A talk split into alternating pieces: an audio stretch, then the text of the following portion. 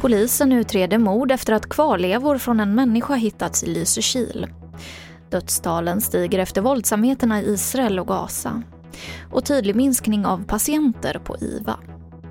TV4-nyheterna börjar med att polisen utreder mord efter att en fiskebåt fått upp skelettdelar från en människa utanför Göteborg.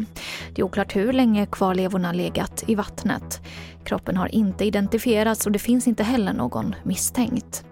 Det eh, kommer handläggas i Storgöteborg så småningom eh, och utredas som ett misstänkt mord. Det kommer också ske en rättsmedicinsk undersökning av de här skelettdelarna.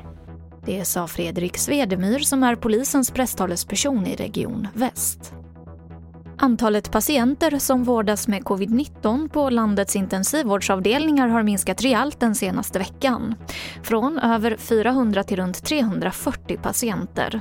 Och minskningen syns i hela landet förutom i Skåne, Norrbotten, Blekinge och Värmland.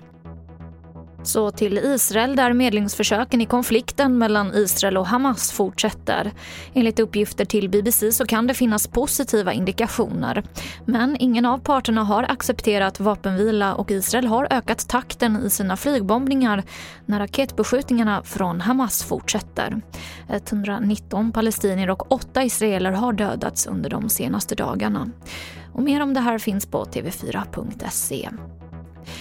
Och vi avslutar med att en sexårig pojke försvann från sitt hem i Norrköping i morse. Men efter lunchtid så hittades han i Linköping.